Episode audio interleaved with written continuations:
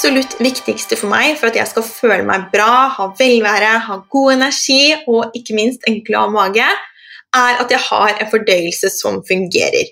Fordøyelsessystemet ditt det er skikkelig kompliserte greier og skikkelig kult, men det er egentlig bare altså, alt som skjer da mellom munn og rumpe. Og mellom der så skal mat brytes ned, næringsstoffer skal tas opp, og det er så mange gøyale prosesser nedi der. Men du skal slippe å gå inn i all biokjemien. Jeg har brutt det ned for deg. En av de tingene som påvirker hele fordøyelsen ganske mye, er magesyren din. Og mange har kanskje hørt at de har for mye magesyre, og at eh, kroppen liksom løper løpsk og bare lager altfor mye magesyre det er ikke helt riktig. Isteden kan det faktisk være at du har for lite, eller at den ikke fungerer optimalt. Du kan gå inn på heleneragnhild.no magesyre og lære mer om magesyre, hvorfor den er så viktig, om din magesyre kanskje ikke er helt som den skal, og få en liten indikasjon, og ikke minst noen tips som kan hjelpe magesyren og fordøyelsen din generelt. Så happy fordøyelse til deg, og så håper jeg du nyter denne episoden. En ting jeg ikke var helt klar over da jeg startet reisen min mot mine to små, var at det å bli mamma skulle endre meg på selvnivå. Jeg husker fortsatt den dagen jeg bestemte meg for å slutte å google eller høre på alle ekspertene, og i stedet følge, følge min egen magefølelse. Intuisjonen min har bare vokst siden, og den har gjort meg utrolig bevisst på mine verdier og hva jeg ønsker å ta med meg videre fra egen oppvekst. Jentene mine får, får, meg til å ville ta bedre valg, være en autentisk menneske og mamma, og mest av alt gi mer kjærlighet. Dagens gjest inspirerer meg stort til nettopp dette. For mer feminin og bevisst jente, det skal du lete lenge etter.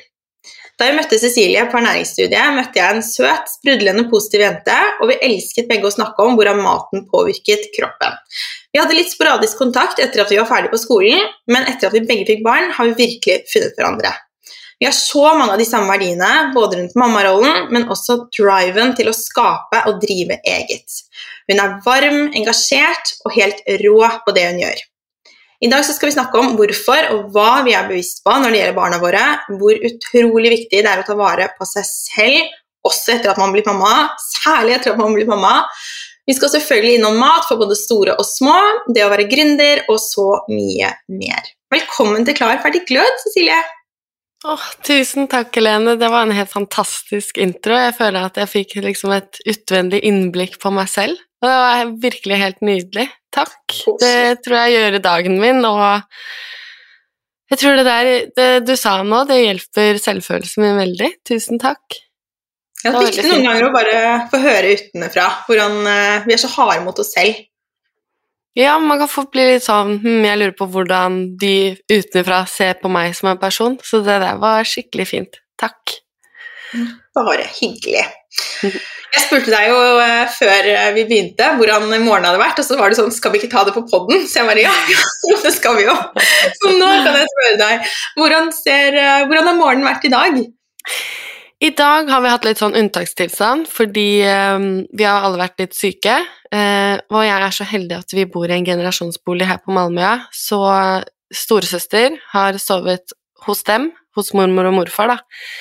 Eh, det er fordi lillesøster våkner veldig mye om natta, og hun må få søvnen sin, og Ella må få søvnen sin, så vi har bare prøvd å finne den beste løsningen. Så faktisk hele denne uken her så har Ella sovet med de, eh, og vi har tatt ansvar for Alba, da. Så i dag var jeg veldig, veldig luksusmorgen. Helt fantastisk. Jeg klarte å snike meg ut av rommet, hørte at Ella og de var våkne oppe, bare lot dem holde på. Så tok jeg den egentiden for meg selv, som jeg vet gagner meg veldig og gjør meg til en bedre mamma. Så da tok jeg ti minutter på yogamatta, og så gikk jeg inn på badet, satte på deilig musikk og skrubbet kroppen min, og så tok jeg en dusj og smurte meg inn med kremer og oljer og pustet inn sånn um, olje med aromatiske dufter. og så startet jeg liksom dagen, og da kom jeg opp til Ella med et knallgodt humør og masse, masse kjærlighet å gi, og de andre våknet ikke før litt senere, så da fikk vi også litt egentid. Så skikkelig luksusmorgen, og det er ikke sånn at det er hver gang. Til vanlig så pleier jeg å våkne mellom de to små skapningene mine, og Ella våkner som regel med et brak og skal ut og opp og stå opp, og så prøver jeg liksom å amme Alba litt i søvn igjen, og så klarer vi å snike oss ut, jeg og Ella. Og så begynner vi liksom dagen, og mannen går på badet med en kopp kaffe og blir der til jeg liksom ordna begge jentene og sender Ella av gårde med pappaen, da. Så til vanlig så pleier jeg å ta begge jentene, så i dag var skikkelig luksus. Ja, så fint! Det unner jeg meg, og det er så viktig takk. å snakke om. For jeg tror det er lett for liksom Åh, det er liksom I hvert fall kjenner jeg på det, at det å si at å, jeg tar imot hjelp, eller jeg har kjøpt meg hjelp, for den saks skyld, det er liksom litt tabu. Eh, Mhm. Og vi skal liksom klare alt alene, men det er jo ikke sånn. Og hvorfor ikke fylle på der vi kan? Absolutt. Så nå Den løsningen fungerte, fungerer veldig, veldig bra når de har mulighet, og vi tillater oss å få hjelp, som du sier. Så det er så viktig. Eh, Når man, med sykdom og sånn, så er det jo veldig unntakstilstand, og um, da må man bare si ifra. Så i går så måtte jeg til og med ringe min mann hjem fra jobb fordi jeg var helt Jeg har sovet veldig dårlig, og man blir jo helt sånn søvnløs og gal. Mm. Så jeg kjente liksom at hele kroppen bare skalv og hadde litt sånn hjertebank og sånn, så jeg bare Nei, nå, nå trenger jeg hjelp. Så Mm. jeg lærer meg Føler morsrollen, lærer meg å liksom tørre å si litt mer ifra hva jeg faktisk kjenner på, da. Mm. Men det er jo en ekstremtilstand å skulle ta vare på små barn og sjonglere det med alt annet som du, som du driver med. Ja, det er, og jeg er heldig som har hjelp rundt meg òg, da. Det skal Ja. sies. Jo da, absolutt. Det er, eh, men det er ofte flere løsninger enn vi tror. Jeg utfordrer meg selv litt på det nå, og ser litt løsninger. For det er veldig lett å være Mm. sånn 'Å, det er ingen som kan hjelpe meg.' Og så er det sånn Men er det egentlig sant? For jeg vet jo at veldig Mm. mange sier f.eks. Øh, venninner som har sagt at 'Herregud, jeg kommer gjerne hjem til deg og hjelper deg å male før dere skal selge'. Og så liksom, jeg blir sånn 'Å nei, gud, nei, det kan jeg ikke spørre om', men de sier jo at de Mhm. gjerne gjør det. Det er liksom bare hyggelig, og da er det noe med å være sånn Ja, men takk, det, det hadde vært kjempehyggelig. Tusen takk, liksom. Vi liker å hjelpe hverandre. Så det Ja. er så fint. Det er nettopp det. Mange får energi av å hjelpe hverandre òg. Ja, absolutt. Men uh, vil du fortelle litt uh, om deg selv, så lytterne kan bli litt kjent med deg? Ja. ja, jeg er Cecilie, som er gründeren bak Min Spire. Men først og fremst så er jeg mamma til Ella Naomi og Alba Sofie. Som er eh, Ella er tre og et halvt Nei, hun blir fire i mai, og Alba blir ett år i april, da.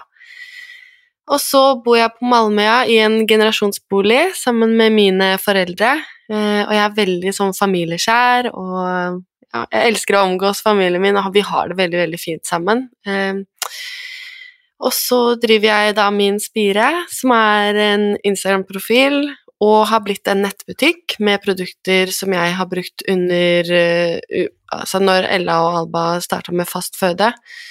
Så vi driver og selger de produktene som vi har brukt. Og så jeg, vil jeg liksom fortelle litt om meg. Um, og jeg er født i vekten, og jeg føler på en måte at det beskriver meg veldig bra. Jeg har en enorm sånn drive, drivkraft. Og når jeg får nye ideer, så bobler det liksom litt over i hodet mitt, og jeg trenger liksom hjelp til å roe ned. Um, så jeg prøver å finne verktøy som kan hjelpe meg ned på bakken igjen.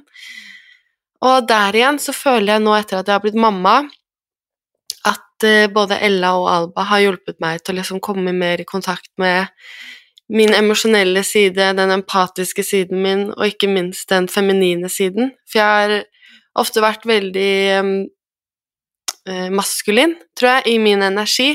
Veldig sånn pågangsmot og oppe, svever. Mens de har hjulpet meg liksom mer ned og, eh, til å finne ut hva jeg vil på en måte her i livet, da. Så jeg er evig takknemlig for den det man lærer av barn. Det er helt fantastisk hva man lærer om seg selv.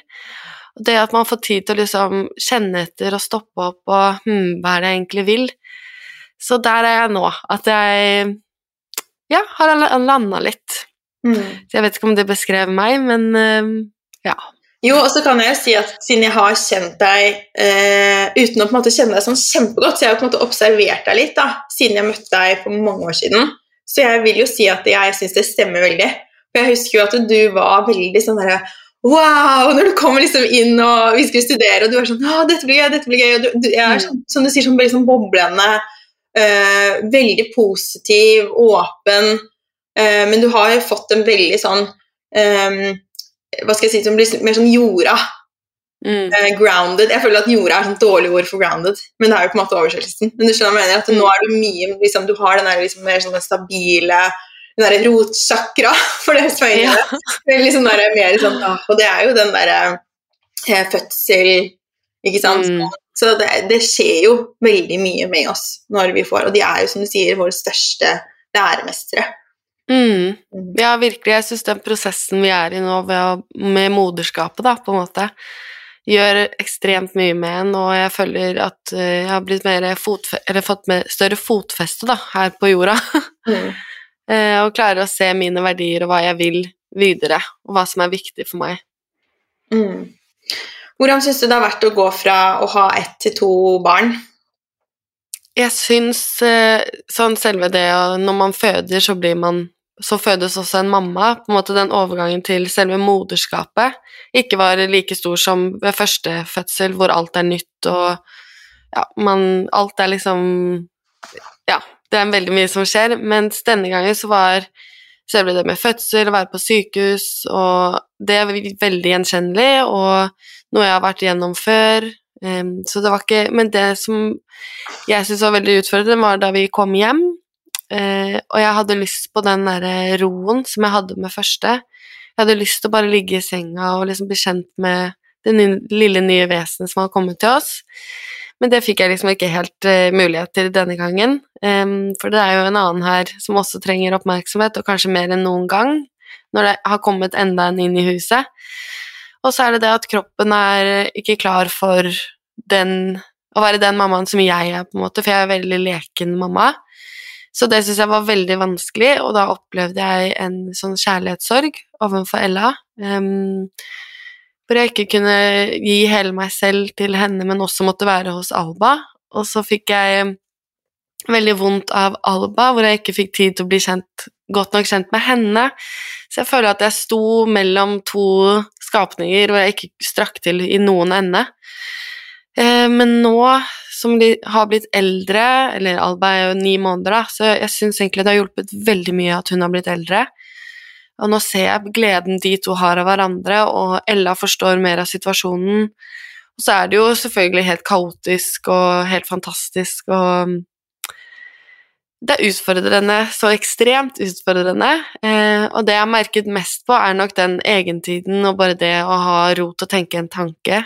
Eh, Mhm. 100% Og ta, ta tid til seg selv er mye vanskeligere. Bare det å Ja, det går liksom i ett i 100 da, til de er lagt, og da kan man endelig slappe av.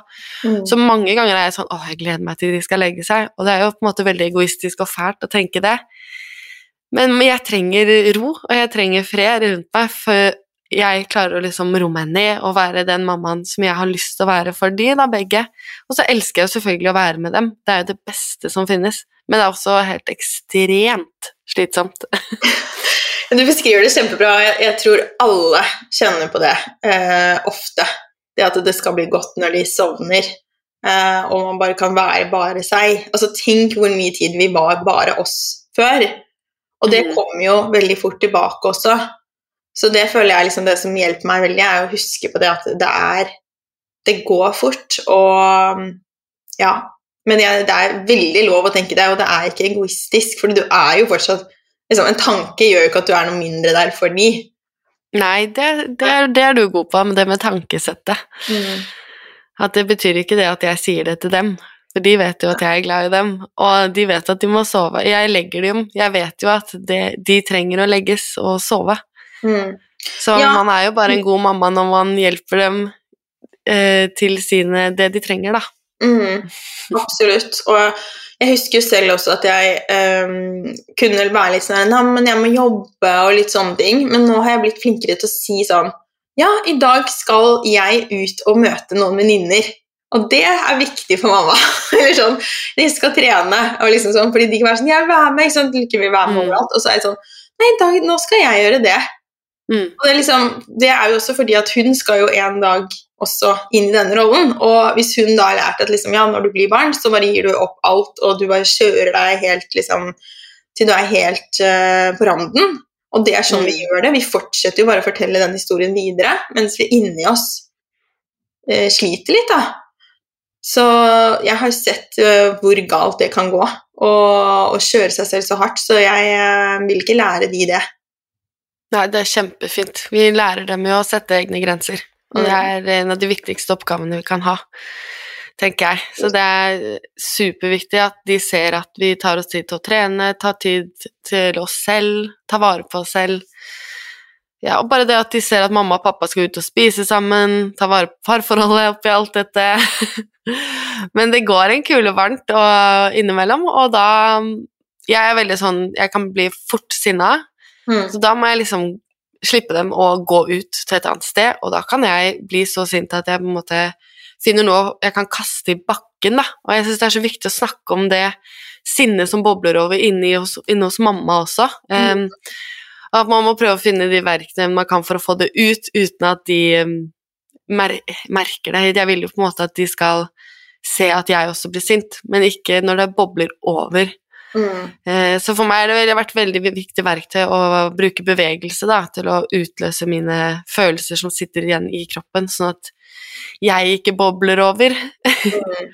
Ja, men Det er veldig fint du sier. Altså, jeg, jeg kjenner meg igjen i det, og det å liksom ville skjule følelser fra barna, som også er veldig sånn rar greie, egentlig. ikke sant? At ikke at man liksom skal, som du sier, at man har noen ganger man bare 'Nå trenger jeg en pause'. Og det er jo veldig, veldig sunt og bra.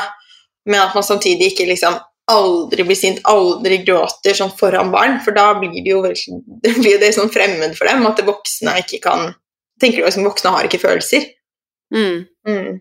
Ja, jeg viser egentlig nesten alle mine følelser til begge jentene. Eh, Jeg bare unngår akkurat de situasjonene hvor jeg kan bli litt fysisk. mot ting, da. Ja, ja, det skjønner jeg. Eh, Men og det å gråte og være lei seg og mm, sinna og sånn, tenker jeg bare fint at de ser. Så ser de at vi har følelser, og ser hvordan vi håndterer det, og kan lære av det. Fordi jeg ser på Ella nå, da, etter at hun har fått store, nei, lillesøster, begynte i ny barnehage, så har det vært veldig mye som har skjedd, og jeg ser jo at hun kan bli litt sinna innimellom, eh, bobler over og sprekker og ja, det er kaotisk, og mm. da må vi prøve å møte det med all vår kjærlighet, og da må jo vi være roet ned og klare å ta imot alt de Mm. føler òg. Ja, absolutt. Det er kjempeviktig. Jeg pleier jo å tulle litt med at jeg er litt sånn hippie-mamma. Selv om jeg ikke ser sånn ut, føler jeg. Så jeg er liksom sånn Å, er du som det? Jeg bare ja, ja. Uh, kan du kjenne deg litt igjen i, i den beskrivelsen?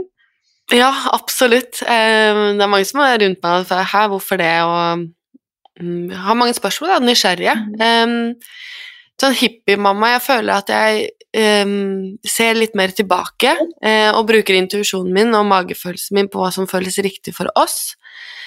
Uh, og så liker jeg å, liksom, at vi tar, vender blikket tilbake i tid litt og ser ok, hva gjorde de før?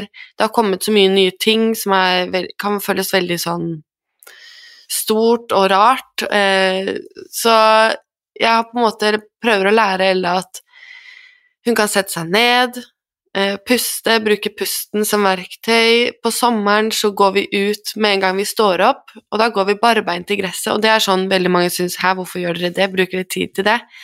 Men jeg merker så stor forskjell på Ella når jeg, de gangene vi gjør det, eh, at hun blir mye roligere og intakt med seg selv. Så det er veldig fint, og det høres jo veldig svevende ut, men uh, allikevel så er det jo veldig naturlig um, at vi bruker dagslys og føttene våre i jorda. Og så er jeg jo veldig sånn Mange lurer på hvorfor jeg Jeg bruker tannkrem uten fluor. Uh, hvor har jeg fått det fra? Eh, hudpleieprodukter, alt skal være rent for min del. Hus... uh, altså sånn renseprodukter og sånn skal også være så rent som mulig. Og det er fordi jeg ikke vil ha dette rare som man ikke vet helt hva er, inn i hjemmet mitt. Eh, og der opplever jeg at veldig mange kan synes jeg er på en måte en sånn hippie, da. Mm. Og i måten jeg lager mat på også, hvorfor jeg ikke bruker kjappe løsninger og ja. Absolutt. Det er, um, det er mye som man kanskje Jeg merker i hvert fall selv det er ikke alltid jeg liksom deler så ut Eh, Nå er jeg liksom spesielt fordi at jeg deler i sosiale medier, men eh, mm. i forhold til sånn Hvis jeg er i en gruppe med mammaer, så er det ikke alltid jeg liksom er sånn Ja, men uh, vi gjør det sånn, skjønner du. Noen ganger så er man bare sånn Ja. ja og, bare, ja. og så vil jo barna gjerne ha det andre har. Så det er jo mm. en uh, utfordring. Men uh, hvorfor tror du du er så bevisst på disse valgene? Hvor kommer det fra?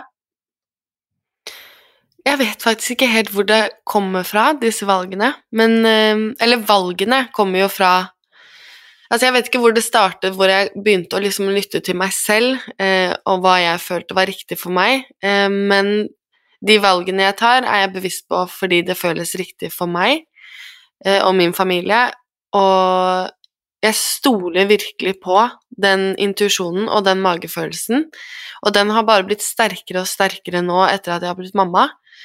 Og jeg tør å stå i de valgene jeg tar, og jeg har mye mer selvtillit på å stå for de også. Før kunne jeg også være Eller jeg er jo fortsatt også sånn at jeg tenker inn Når folk spør om ting, da, så er det ikke alltid like lett å si hvorfor jeg mener det og det. Men overfor meg selv og min familie her hjemme hos oss, så tar vi de valgene som, føles, som føles riktig, da. Mm. Eh, og det viser seg på en måte gang på gang at det hjelper å tørre å stole på seg selv. Um, så de valgene vi tar, er egentlig veldig, veldig bevisst. Og så kan jeg jo bli kjempeusikker innimellom også, men du må bruke fluor. Men så stoler jeg på meg selv og tenker nei, nå gjør vi det sånn her. Mm. Ja. Ja, det er kjempeviktig at du, at du stoler på deg selv, tenker jeg. Og, og, det er ikke sånn at alle gjør denne jobben helt likt. Og det må nei, være greit. Nei. Jeg føler at veldig mye av diskusjonene er på sånn at Jo, det må være én måte å gjøre ting Det må være én måte å snakke om barna sine offentlig, det må være én måte å spise mat og liksom bare sånn Nei, det er faktisk mange forskjellige mennesker som har barn. Og vi kommer mm. ikke til å gjøre ting helt likt, og det er greit. Vi trenger forskjellige synspunkter. Det er det som tar verden videre. Og, mm. og det blir jo også enklere og enklere.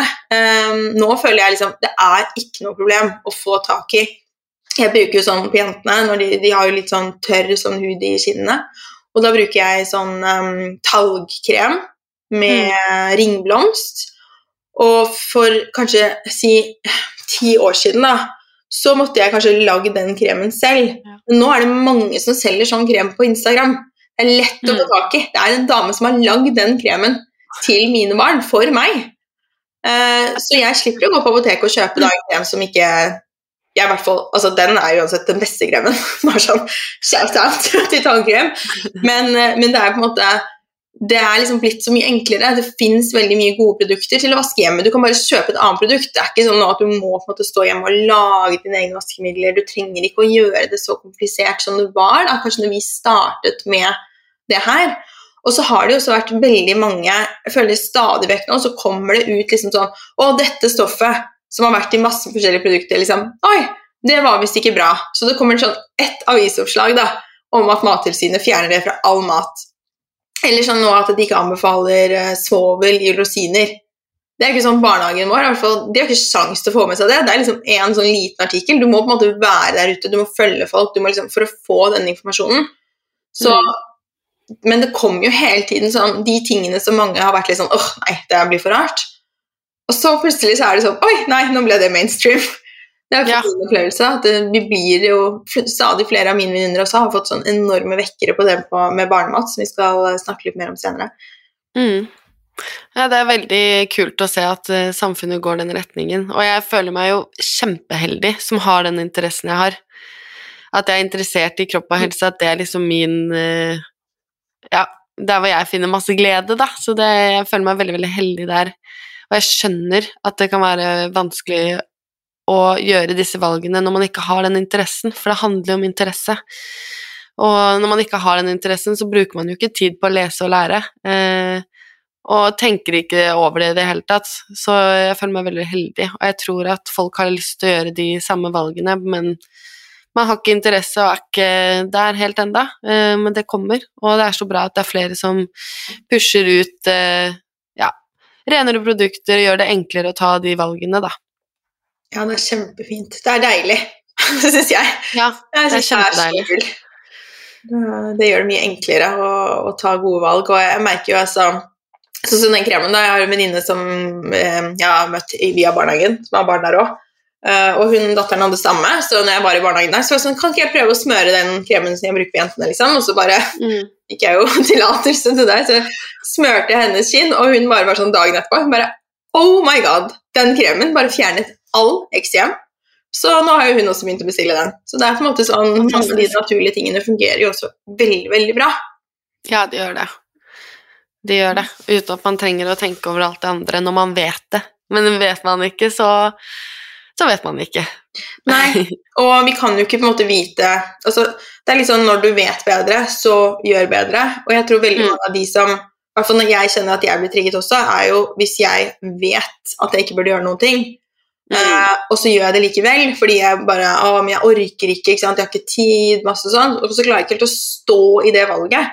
Og da når folk snakker om den tingen, så kan jeg bli veldig sånn åh, liksom bli sånn irritert og bare Herregud, det er så overdrevent, eller liksom sånne ting. Men da er det jo Mm. noe med å se selv. Ok, liksom, hvorfor stå i det valget du har tatt, da? Det er Mm. greit hvis du ikke har lyst til å gjøre ting som vi gjør. Det er helt ok, det må jo du bestemme. Men da må måte ta ansvar for det selv, og ikke bli sur for at andre snakker om bevisste valg. Mm. Det er viktig. Det er jeg helt enig i. Mm. Man må lytte til seg selv, og så får man ta det, gjøre det man vil selv. Helt, helt enig. Du er jo utrolig inspirerende når det kommer til næringsrik mat til de små. Og jeg vet jo at du er veldig god på egentlig mat sånn generelt. Det er jo ikke bare barnemat, men det er jo det du har delt mest om utad. Eh, er det Mm. noen ting du visste at du var interessert i fra før, eller kom det når du fikk eh, La? Det kom når frøet var plantet i magen. Nei, da begynte jeg å lese meg opp på dette med graviditet og hva man skulle spise da. Jeg har jo interessen, så jeg syns jo dette er kjempespennende. Så da begynte jeg å spise liksom for graviditeten. Eh, Og når Ella da skulle begynne med fastføde, så var det helt naturlig for meg at jeg begynte å grave og dypdykke i dette med barnemat. Og der fant jeg så mye forskjellige meninger og ble litt sånn Hæ, men hva, ok På helsestasjonen sa de at jeg måtte gi denne kjøpegrøten, men jeg leser at uh, den og den og den At det er bra med råvarebasert kosthold. Og der igjen, eh, å tørre å lytte til seg selv, hva kjennes riktig? Um, og for meg så var det å tørre å stå i det med at hjemmelaget mat er det beste for mitt barn. Uh, og da ønsket jeg å dele dette, og hvor enkelt det på en måte kan gjøres. Og jeg vet at når man selv står der bare åh, nå skal hun ha mat igjen, hva skal jeg gi? Og da trenger man en inspirasjonskanal, ehm, så da opprettet jeg min Spire. Og det var et veldig, veldig stort skritt for meg, og mm, jeg husker at jeg satt oppe i stua og, og liksom Ok, publiser. Eh, og siden den gang så har jeg bare kost meg skikkelig med hele konseptet, em, og delt masse, og gjennom det jeg har delt da med Ella opp igjennom, og de produktene vi har brukt, så begynte folk å spørre hvor er det du bruker Nei, hvor kommer disse produktene fra, og sånn. Så da skjønte jeg at det var et stort behov for disse produktene også, så da tok jeg inn de og begynte å selge det i nettbutikken. Og nettbutikken gjør jo at jeg kan fortsette Instagram-profilen sånn som jeg gjør den dag i dag, hvor jeg legger ut gratis oppskrifter og gratis på en måte inspirasjon, da. Mm. Og det er veldig viktig for meg å gjøre all den kunnskapen tilgjengelig for alle, um, og prøver å følge opp den hver eneste dag. Og der også bruker jeg liksom enkle løsninger som jeg kjøper surkål, jeg vet at det er lett å lage, men jeg har Jeg orker ikke, jeg har ikke kapasitet til det. Så da klikker jeg den hjem fra Oda, superenkelt. Jeg vet at da får vi i oss gode melkesyre eller bakterier. Um, og så bruker jeg enkle løsninger i det jeg deler, sånn at folk skal klare å lage det, de også. Mm. Det er veldig viktig for meg. Ja, kjempefint. Jeg er så enig. Og jeg kjenner jo på det selv også. Første gangen når du får barn, så er det jo mer eh, påvirket av meninger rundt. I hvert fall var det sånn for meg. Og jeg også følte veldig på den usikkerheten. Fordi det Mm. føles liksom skummelt. Um, det er liksom nesten sånn ja, hvis du ikke gir ferdiggrøt, så kommer ikke barnet til å få i seg nok jern. Men jeg husker på ernæringsstudiet så var det på en måte det vi lærte, at liksom det er jern og det er energi. Det var det som var Mm. viktig. Det var de to tingene vi lærte om. på en måte. Uh, og så tenker jeg sånn Det var ikke noe om barnets tarmflora, det var ikke noe om altså, alle de andre næringsstoffene. Så grøt er jo basically på en måte tenker jeg da, et tilskudd. Det er jo et ultraprosessert produkt, men det er også sånn, det blir som å ta et jerntilskudd. For det er jo, på en måte, det er jo bare en grøt som er tilsatt jern. Uh, så hvis man bare klarer å få i jern andre steder, og det er jo lettere opptakelig da fra naturlige kilder, så, um, på en måte, så kan man være helt trygg, da. Det er veldig mye lettere. Um, men det er også, føler jeg, at særlig med barnemat så er det så viktig det der med intuisjonen. Fordi man kan ikke sitte med hvert eneste måltid. Veldig mange er sånn akkurat hvilken mat må jeg gi for å få akkurat nok hver dag. Og jeg bare, det er ikke sånn det funker. Og så er jo jernopptaket i tarmen også veldig sånn forskjellig, så det, du kan ikke kontrollere alle de små faktorene. Så det er veldig viktig å slippe den kontrollen. Um, og for meg var det også en kjempestor greie det at Lykke var ikke interessert i fast føde whatsoever. Hun spiste nesten ingenting, ville bare ha pupp. Uh, så jeg måtte på en måte droppe veldig mange av de tingene jeg var sånn Jeg var så gira og skulle liksom lage masse. Mm. Uh, mens nå med Sanne så har det vært mye enklere å gi hjemmelaget mm. Altså bare mer forskjellige typer mat, da. Mm. Så, mm, det, det er veldig viktig det du sier der. Og med Ella, da, så kjøpte jeg en pakke kjøpegrøt. Uh, så lagde jeg den, og så smakte jeg på den, og så var Nei, vet du hva, det her Det blir for lik konsistens, tekstur, smak, lukt, farge til at hun kan lære seg å spise den maten vi spiser. Eh, men jeg skal helt ærlig si at jeg kjente skikkelig på den eh, Får hun nok av det hun skal? Herregud, må vi kjøpe den grøten? Eh, ble veldig, veldig usikker. Men nå, med nummer to, og nå som jeg har lært så ekstremt mye mer, så kan man virkelig droppe den kjøpegrøten så lenge man klarer å gi litt jernrik mat. Um, og, og, fokusere litt på Man må jo ha litt kunnskap om dette med C-vitamin, øker opptak fra plantebasert mm. jern og sånne ting. Men alt dette deler jeg på Instagram-profilen, og det er bare å sende meldinger hvis man har spørsmål til det også. Men jeg kjenner på også den usikkerheten, og med Alba nå så var hun kjempeinteressert i mat, og så nå, som hun har vært syk over en lengre periode, så har hun ikke vært sånn veldig interessert. Og da fortsetter jeg å tilby, men det er pupp som er løsningen. Og det må vi også huske på at det er morsmelk eller morsmelkerstatning som er den primære kilden til energi de første tolv månedene. Og etter det så bør de begynne å få mer fra mat. Men da må vi liksom senke skuldrene litt og liksom gi oss selv litt ro til å lytte og se på barna at de vet jo også hva de vil spise, og hvor mye de vil spise. Fortsett å tilby, og så finner de ut av det helt selv. Mm. Så ja. Ja, og de er jo veldig intuitive spisere. Så det er egentlig, mm. liksom, de har jo ikke alle disse tingene sånn ja, men jeg har spist lite i dag, så kan jeg kanskje spise Nei. mer, eller sånn Hvis jeg spiser opp dette nå, så er det ikke mer frist i morgen. liksom, sånn ja. tanker som vi voksne har rundt mat. Så det er jo eh, noe som hjelper kanskje enda mer å lene seg inn i det, da, med at, som f.eks. når de er syke, at de ikke er så interessert i mat. Ja, men eh, jeg skal ærlig si at jeg flere ganger sitter og bare Kom igjen, skal, nå må du spise. Kom mm. igjen, da. Det er bra for deg, du må spise. Mm. Men så tar jeg meg selv i å tenke det og bare Nei, slutt. Mm. Nå må du la henne styre showet helt selv. Og vil hun leke med maten, så er det helt ok, og da rydder vi bort, og så prøver vi igjen senere. Og det der er så frustrerende, for du står og lager den maten, har en forventning om at hun skal spise, så sitter hun der, og så har hun grisa seg til, og det er et, en stor jobb å rydde opp og vaske. Og det er så styrete, og mine klær blir skitne, hennes klær blir skitne, vi må bytte klær begge to, og det der er jo hver gang jeg gir henne mat. Så ja, wow. Det er veldig mye som skjer på en gang der, og jeg skjønner at folk tar kjøpegrøten og gir barna det på skje og ikke lar barnet spise selv. Jeg skjønner det, at man gjør det. Eh, men man må prøve å ikke gjøre det, og så må man prøve å bare gi dem muligheten å grise og holde på, smøre seg selv med tålmodighet, og ja, det er en jobb å være hjemme med barn. Altså, jeg syns det var skikkelig deilig at du sa nå, fordi jeg har kjent så mye på akkurat det her. Eh, og Sanne er bare sånn, hun, bare, hun hater å få smekk òg. Hun bare drar Ja. i av, liksom. Sitter bare sånn Ja. og bare drar av smekka, liksom. Og så er det sånn vet, jeg, altså, jeg føler Alle som følger meg, vet at jeg elsker sånne hvite, fine skjorter. Ja. Alle mine skjorter nå har sånne flekker som jeg liksom ikke helt får bort.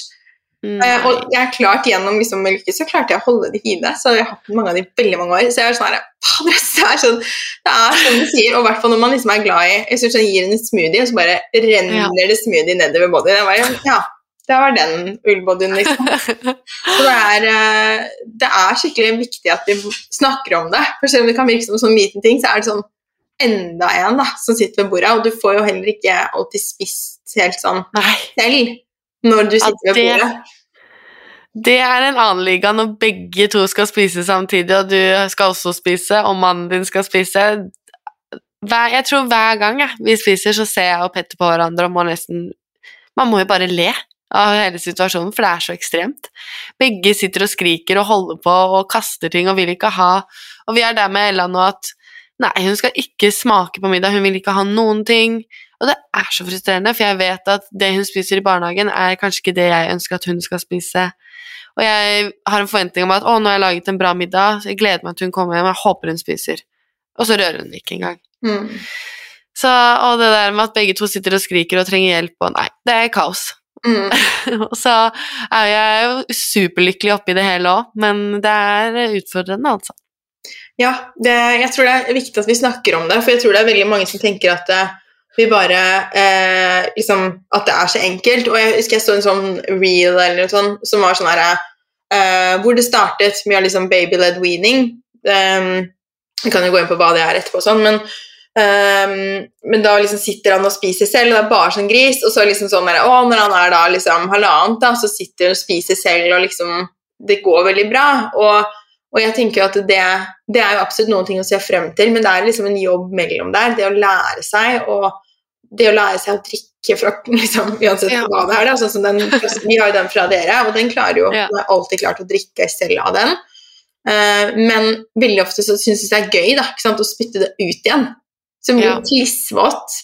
Og da så er det jo sånn skifte alt, ikke sant. Og liksom det bare Så jeg tror det er veldig mange som tenker sånn Ok, det her er deilig å høre. fordi hvis man vet at andre har stått i det og har løst seg, så vet man på en måte at ok, det her er bare en periode, og så vil dere komme dit at man kan sitte igjen liksom, sammen. da. Når vi var på hytta nå før jul, så var vi jo da enda flere barn. Og da tror jeg også at liksom da de på en måte, altså besteforeldregenerasjonen bare Wow, liksom, nå er det kaos når man skal spise. For liksom vant til bare én og ikke alltid sittet sånn veldig pent på bordet og spist. Eh, og så plutselig nå liksom med da flere andre barn var bare sånn No, no, no. Det her er bare Ja. Det blir liksom ikke mulig å spise noe. Veldig ofte så skjærer jeg opp maten min, og så sitter jeg liksom med Sanne på puppen og bare gaffelen og spiser. Så- Ja, og da er du i- klar for å spise og i, i fordøyelsessystemet ditt, stakkars. Mm. Det er det man sitter med sånn evig høyt stressnivå når man skal spise, og det vet man jo ikke er bra, og så blir man jo stresset fordi man skal liksom roe seg ned, så det er superutfordrende. Mm. Eh, men jeg har merket at denne skjeen som vi eh, nå selger, den er genial, altså.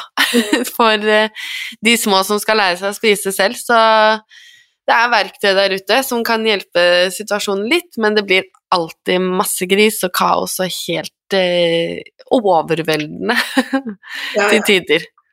Og så er det veldig gøy, de der eh, små øyeblikkene man får når de faktisk sitter og Du ser på ansiktsuttrykket deres at de Hm, hva er dette Mm. for noe? Utforsker sånn skikkelig med munnen og uttrykket sitt.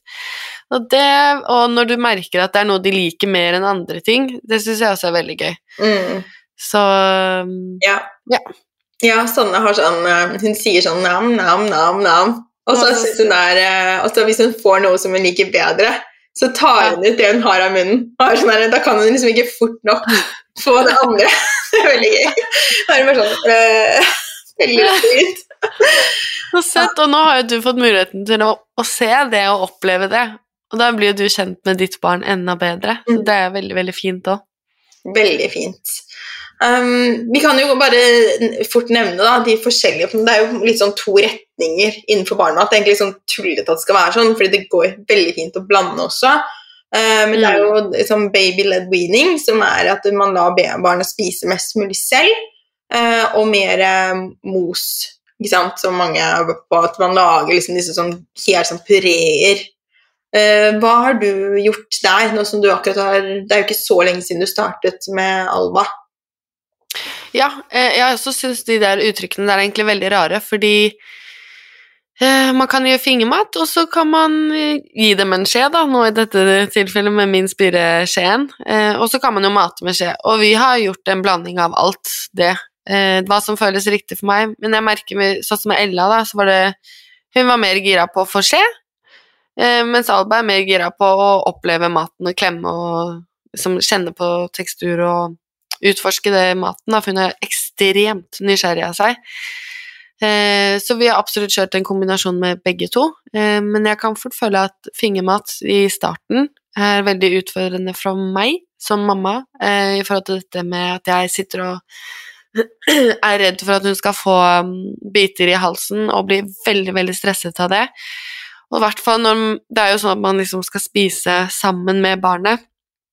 Hvis jeg selv skal sitte og spise og se på at hun holder på å kvele, altså som brekker seg veldig, da, klar, altså jeg blir så stresset av det. Så øh, vi har begynt veldig forsiktig fra seks måneder med litt fingermat, øh, og da har jeg vært ekstremt nøye på at øh, den er myk og lang nok, og sikker på at nei, dette klarer hun. Og så må jeg også tørre å lene meg litt tilbake og stole på at hun klarer det, og at hun trenger å øve seg på disse brekningene for at hun skal også lære seg å spise. Um, så da har jeg brukt mye en app som heter Solid Starts. Det er veldig Har masse, masse kunnskap om hvordan man skal kutte og tilberede maten i fingerbiter, da, sånn at uh, man kan lene seg litt tilbake på det. Uh, og så er, er, det jo det at man må stole på barna, og blir du for Eller hvis jeg selv blir veldig, veldig stresset, så får jeg Petter, da, min mann, til å taver, og jeg merker at han har en helt annen ro rundt dette, og da ser jeg at hun også koser seg mer med maten.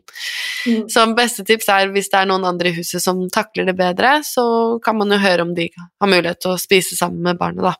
Mm. Men vi har kjørt en kombinasjon, og jeg føler at det har vært veldig fint, og man skal jo lære seg å spise med skje også, så hvorfor skal man ikke absolutt ikke røre most mat? Det er jo en kjempeviktig tekstur, det òg, å lære seg. Ja, absolutt. Uh, og vi brukte jo den skjeen fra Sanne var fire måneder, tror jeg. Og da kunne hun mm. sitte og liksom putte grøt og sånn inn selv. Hun er også mm. veldig glad i sånn kokosyoghurt. Altså, ja. det er bare sånn hun, Det er liksom hennes sånn der Ja, hun elsker det. Så da pleier jeg å ha oppi mm, litt av den, eh, det pulveret. Eller jeg, jeg bruker sånne um, paltunbrød som jeg kjøpte av deg.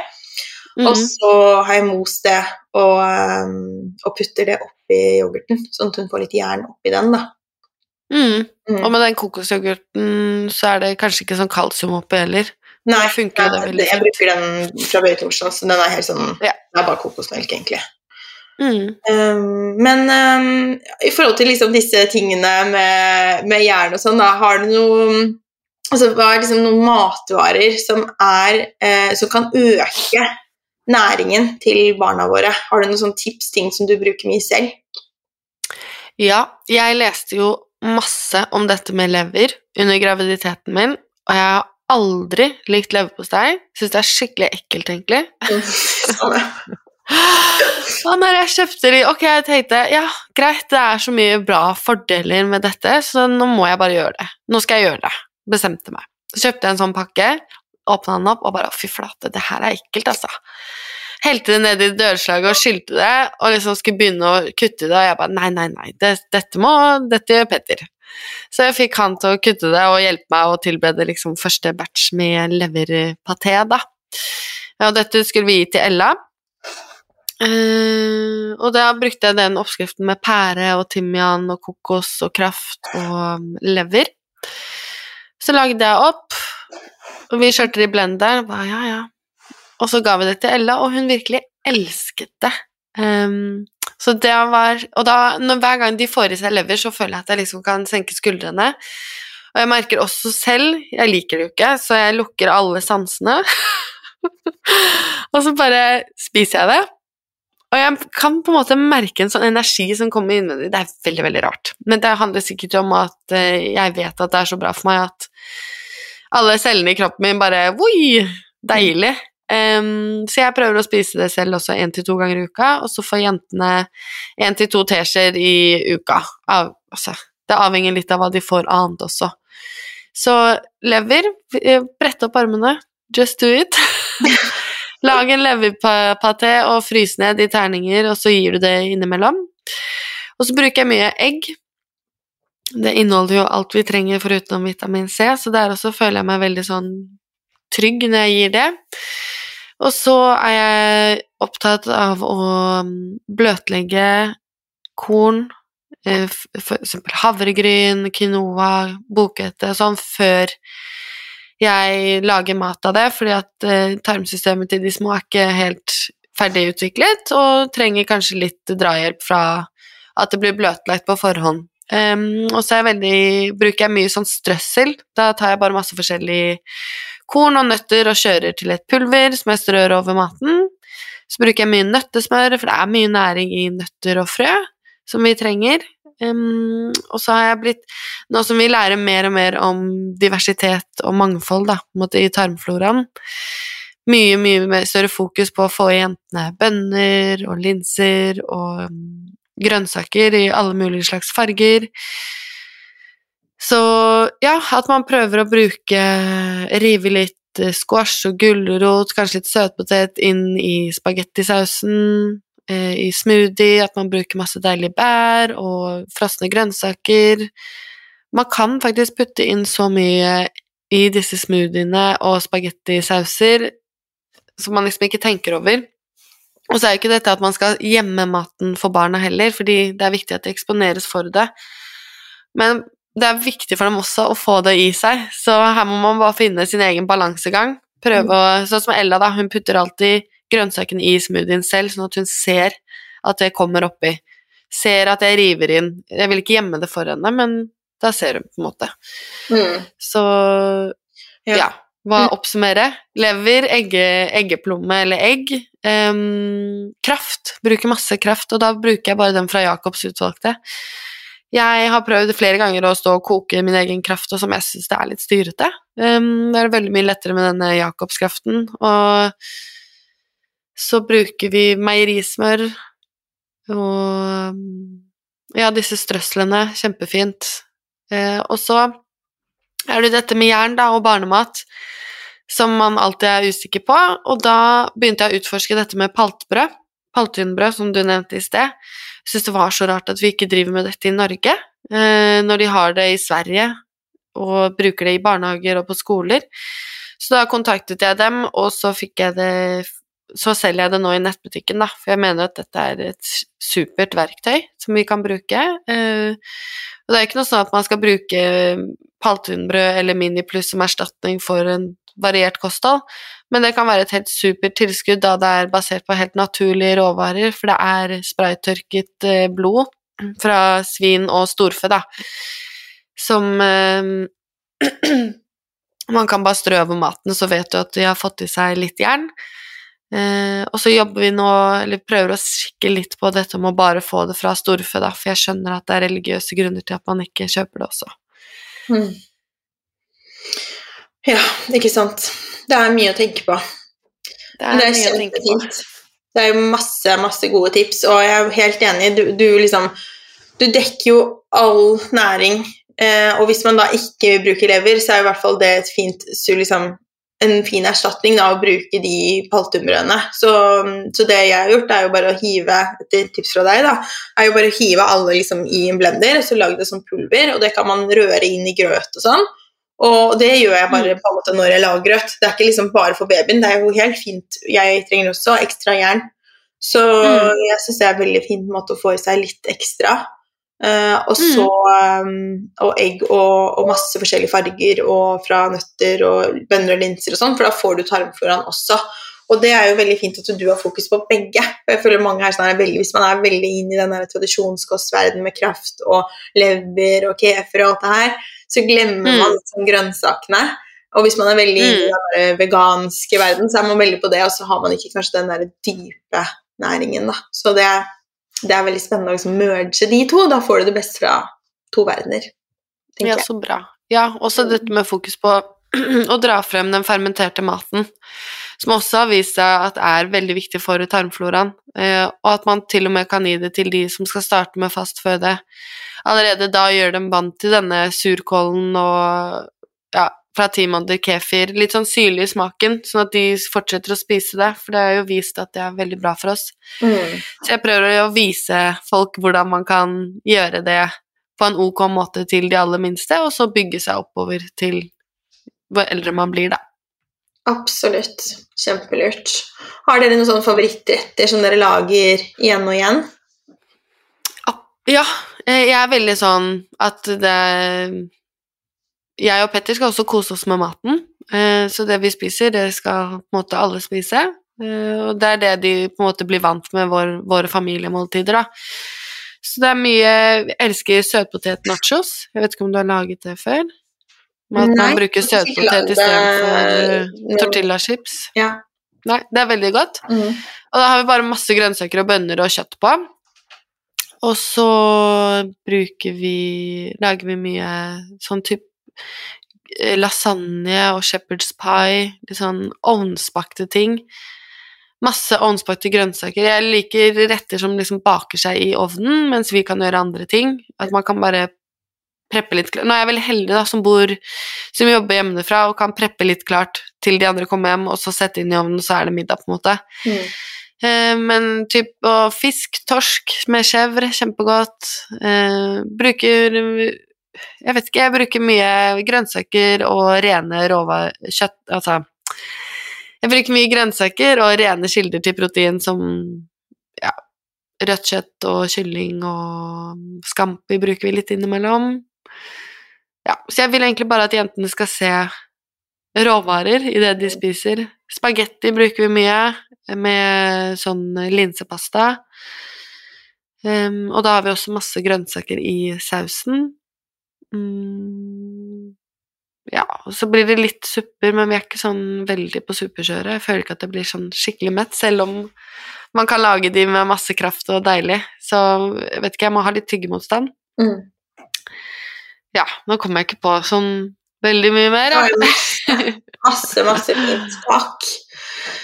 Eh, Jeg har jo lyst til å komme litt sånn over på dette med at du har skapt min spire. Eh, Og eh, hvem Altså, når du skapte det, så hva var din visjon? Hva vil du på en måte Hva er drømmen din for eh, min spire? Det er veldig gøy at du spør om det, fordi det får meg til å reflektere mye mer. For jeg er alltid bare go, go, go. Så det fikk meg til å liksom lene meg litt tilbake og hm, hva er det vi egentlig vil med min spire? Og det jeg tenkte ut da, var Eller som jeg kjenner at er verdien i bedriften, er nok dette med økt matglede. Vi ønsker å fremme matglede for store og små.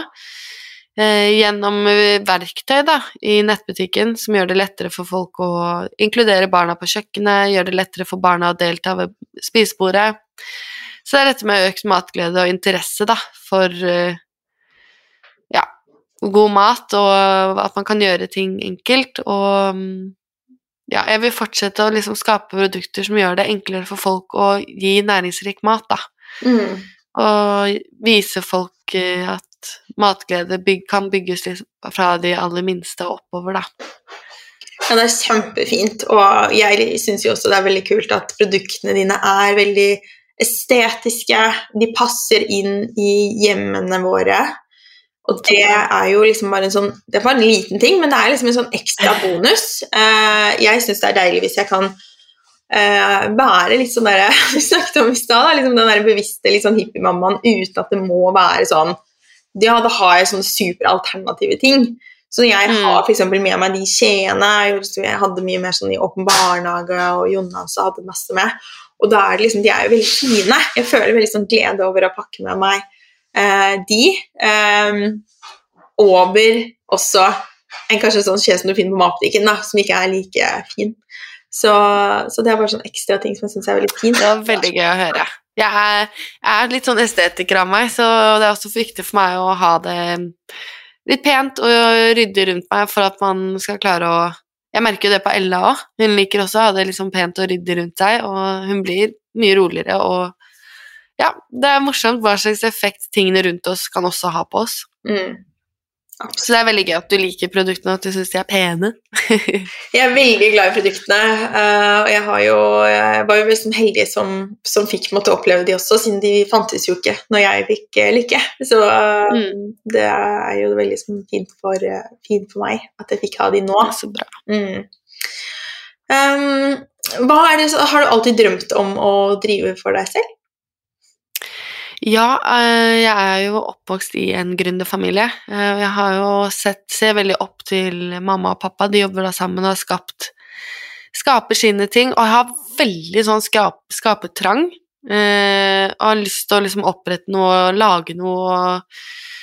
Ja, jeg syns det er kjempegøy når jeg skaper noe. Så jeg absolutt har jeg hatt lyst til å alltid skape noe. Jeg prøvde for noen år siden faktisk med treningstøy. Eh, Det gikk ikke helt veien. Veldig vanskelig. Men jeg prøvde, og eh, tok konsekvenser av at det ikke når alltid, men jeg lærte masse på den veien. Eh, og så nå med Spire er det jo bare helt sykt gøy. Det er så kult. Jeg er så stolt, og jeg har bygget et lite lager i kjelleren her, og jeg føler meg så heldig.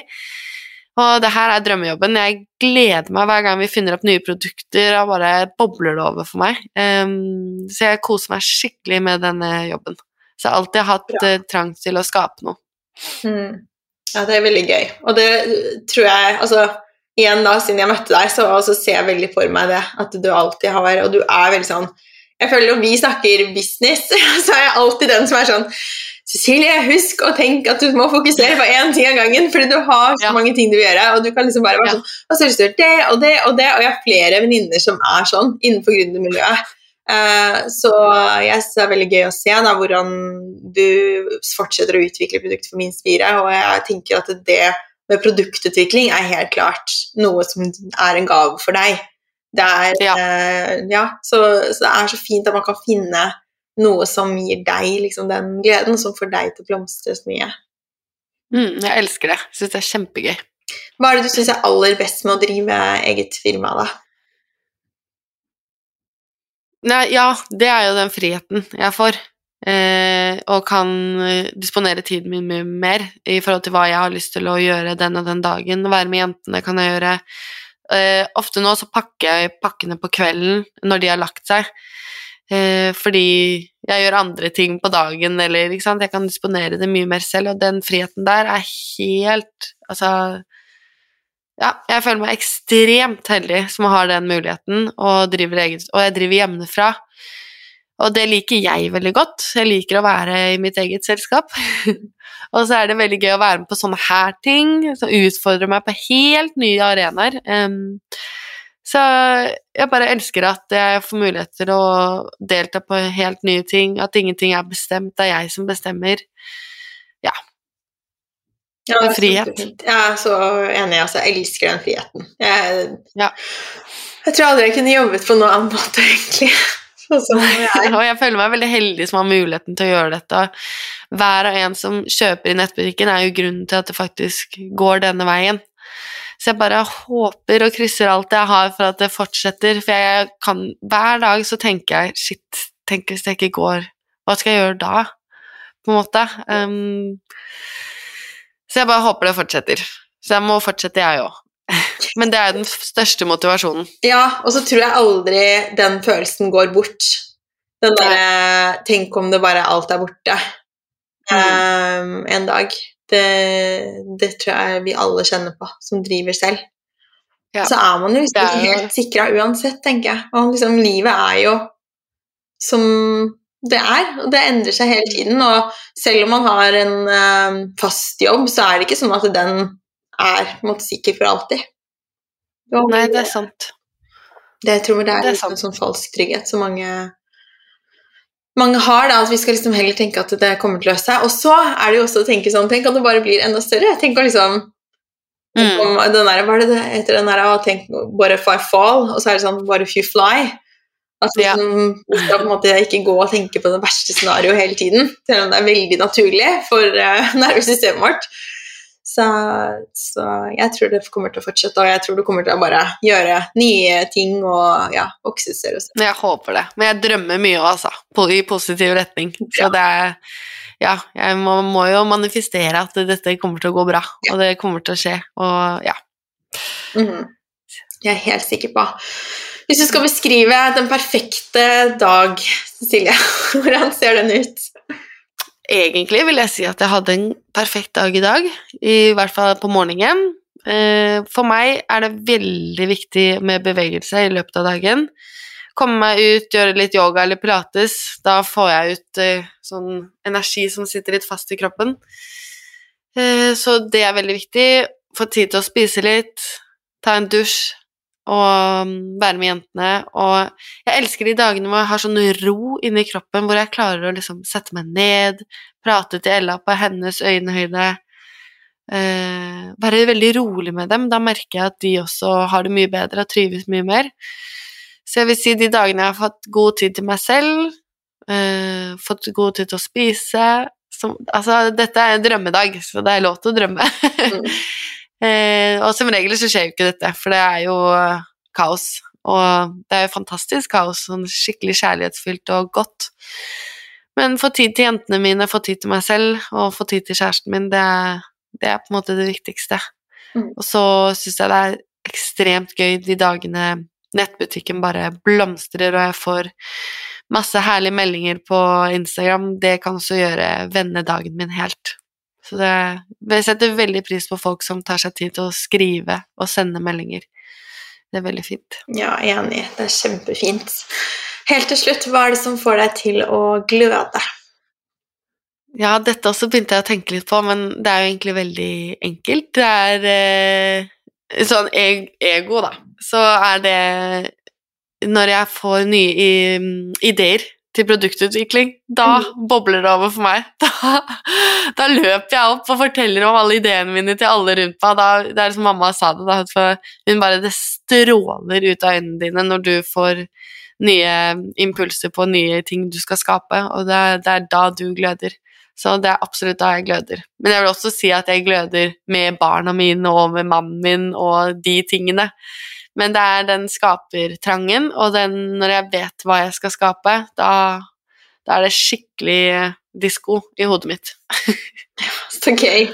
Jeg syns det var et skikkelig bra svar. Det var Kjempekoselig å ha deg på besøk. Kan ikke du fortelle hvor eh, vi kan finne deg for å følge deg videre? Det er på Instagram, først og fremst på min spire barnemat, eller min punktum spire punktum barnemat. Og så er det nettbutikken min-spire.no, og den skal jeg også få jobbet mye, mye mer med nå som pappapermisjonen tar over etter hvert, sånn at det blir lettere for folk å søke oppskrifter og liksom bruke det som en database. Å, så gøy. Så heldige vi er som får lov til å lære av deg. Mm, så bra. Tusen meg, takk for at jeg fikk komme. Jo, selvfølgelig. Det var veldig koselig å skravle. Og meg finner dere på helenragnhild.no og Helen Ragnhild på Instagram og Helen Ragnhild er næring på Facebook. Tusen takk for at du lyttet i dag, og så høres vi igjen veldig snart. Tusen takk, Cecilie. Tusen takk.